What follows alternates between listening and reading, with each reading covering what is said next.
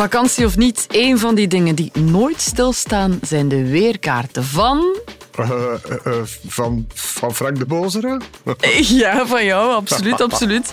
Ja, en je lijkt trouwens nog meer dan vorige week de lente te hebben meegebracht. Hè? Wel, ja, het was inderdaad al een uitzonderlijk warme krokusvakantie. Dat en meer in deze nieuwe Meer Weer.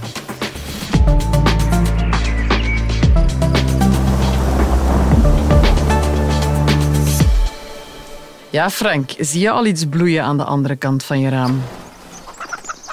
Heel veel, heel veel, Nathalie. Ja, het is uh, natuurlijk Valentijn geweest, dus er heeft heel veel moois gebloeid, hopelijk nog. Maar ook de natuur is er dit jaar vroeg bij. Uh, sinds begin februari hebben we al 50, meer dan 50 minuten daglicht gewonnen.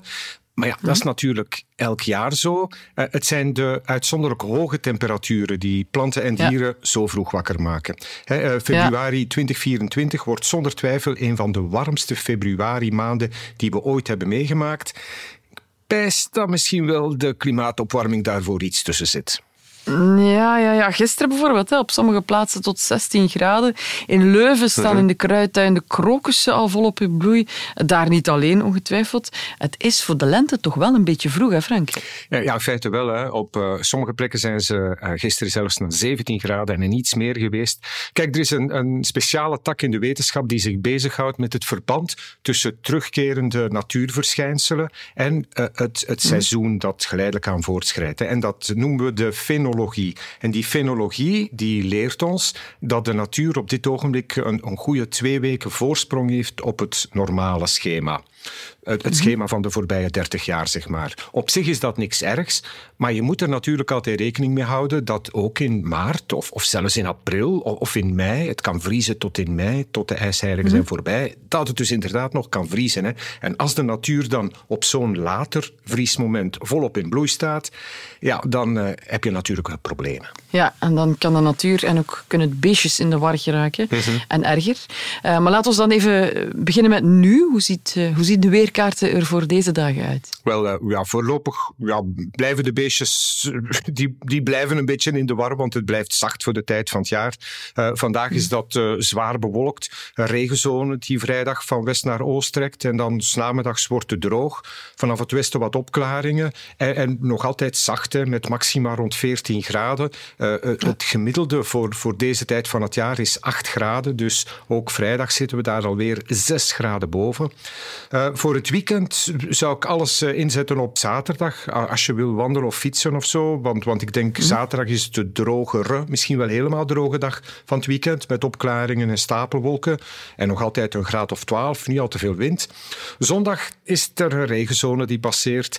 Uh, nog altijd 11 graden. En dan zou de zuidwestenwind toch wel een tandje bijsteken. En dan is het weer voorbij, hè, de krokusvakantie. Nu, na een schoolvakantie heb je meestal maar twee mogelijkheden. Ofwel stralende zon, ofwel gietende regen. Wat wordt het vanaf maandag? Oh, we zullen vriendelijk zijn voor leerkrachten en leerlingen. Hè. Uh, okay. uh, maandag droge periode, opklaringen, een paar regenbuien nog uh, en een graad of elf. En dan dinsdag in de loop van de dag komt de zon erdoor. En woensdag is het zelfs vrij zonnig en droog. Altijd dus temperaturen die boven hun stand leven, uh, een graad of 11. Misschien dat dan tegen woensdagavond of donderdag dat een nieuwe regenzone passeert. Maar uh, één ding, Nathalie, is uh, zeker. winter wordt het niet. Het zou zelfs kunnen dat we moeten zeggen: winter wordt het niet meer dit jaar. Frank, je voorspellingen die zijn top, hè. begrijp me niet verkeerd. Hè. Maar ik moet het zeggen, soms, ik ben al bang om het uit te spreken, soms klopt het toch niet of niet helemaal. En nu hoor je tegenwoordig van alles over artificiële intelligentie, AI. Kan je dat niet gebruiken in je weerprognoses? Oh, dat is een, uh, ja, dat is een goede vraag. Um, ik zal misschien eerst uitleggen hoe we het uh, ja, tot nu toe deden. Uh, dus we verdelen de aarde in een aantal punten. roosterpunten noemen we dat. bijvoorbeeld voor, voor elke 10 kilometer nemen we een punt. En dat dan voor, voor, op, op zeven hoogtes aan het oppervlak, op een kilometer hoogte enzovoort. En voor elk van die roosterpunten berekenen we dan met de wetten van de fysica wat er zal gebeuren met temperatuur, luchtvochtigheid, neerslag, de hele rimram. Probleem is dat je daarvoor heel veel rekenkracht nodig hebt. Het gaat al snel om mm -hmm. uh, vele miljoen, miljard, miljarden berekeningen. Dus daarvoor hebben we supercomputers nodig. En dan, als we willen weten hoe het zit met de nauwkeurigheid van die prognose, dan moeten we allerlei berekeningen doen. Doen we alle berekeningen in feite tientallen keren naar elkaar, met lichtjes mhm. andere beginvoorwaarden. En als dan bijvoorbeeld blijkt dat na tien dagen dat de berekeningen helemaal ontsporen, dat de ene prognose zegt het gaat stormen en de andere zegt het wordt zonnig en droog, ja, dan weten we dat de nauwkeurigheid niet zo groot is. Enfin, eh, het is een systeem dat we dus vroeger gebruikten, dat geeft goede resultaten. En als je dat die berekeningen met artificiële intelligentie zou doen, hoe zou je dat dan aanpakken? Wel, uh, sinds kort zijn we daarmee begonnen. Hè. En dus met AI voeden we dan de computer met alle, alle, alle gegevens die we hebben van vroeger. Dus waarnemingen, mhm. radargegevens, satellietgegevens, big data. Hè? En, en dat zijn dus heel, heel veel gegevens. En als mens zie je dan uh, door het bos de bomen niet meer, uh, zie je absoluut niet meer het verband mhm. tussen al die gegevens. Maar onze computer, met al die algoritmes, die kan daar wel patronen in zien en gaat als het ware op zoek naar vergelijkbare situaties uit het verleden. En het grote voordeel is dan dat met artificiële intelligentie dat dat snel kan gaan. Veel sneller mhm. dan met supercomputers. En het is heel goedkoop, want kan, je kan doen met uh, gewone computers. Uh, Graphcast, dat is het artificiële weermodel van Google, maakt op een gewone PC op pakweg één minuut een even goede 10 dagen prognose als de supercomputer van Redding, die voor zo'n 10 dagen prognose uren reekkracht nodig heeft. Dus dat is echt wel, echt wel straf. Eh, in de toekomst willen we de traditionele methode en de versie met AI samen gebruiken om nog betere prognoses te maken. Ondertussen zien we trouwens kleine bedrijfjes ontstaan die zelf met AI aan de slag gaan om weervoorspellingen te maken. En dan gaan we... Um, allez, ik ga jou altijd blijven bellen, hè, maar uh -huh. gezegd ja, de mens niet meer nodig hebben daarin? Uh, wel, ja, we, we, moeten natuurlijk altijd onze algoritmes verfijnen en we moeten dat systeem blijven voeden met nieuwe data. Dus uh, Oh, ik denk toch wel dat ik en mijn collega's dat, uh, ja, dat we toch nog wel een beetje werk zullen hebben. Laat ons zeggen, de toekomst is, is veelbelovend. We kunnen nog beter, Nathalie, dan we nu al kunnen. Het klinkt allemaal veelbelovend. Uh, kan je die AI ook gebruiken om het toekomstig klimaat te berekenen? Oeh. Wel, het probleem is dat ons klimaat tegenwoordig niet stabiel meer is. Het verandert heel snel.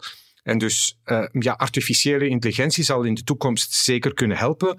Maar we gaan dus wel de wetten van de fysica nodig hebben, om, om, omdat de dingen zo snel veranderen. En ja, die systemen uit het verleden, al die data uit het verleden, die zijn daar niet meteen op getraind, want die, die weten niet wat dat is. Mhm. Dus ik denk dat we in de toekomst zowel met traditionele weermodellen als met uh, artificiële intelligentietools zullen werken om het klimaat voor uh, pakweg uh, 2100 te berekenen.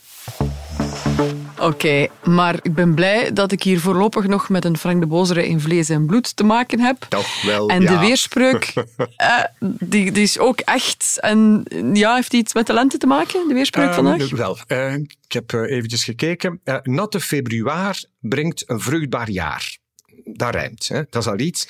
En als het klopt, dan krijgen we rijke oogst, want februari is nog maar dik half. En er is al meer regen gevallen dan normaal in een hele maand. Dus februari 2024 wordt, wordt echt wel kletsnat.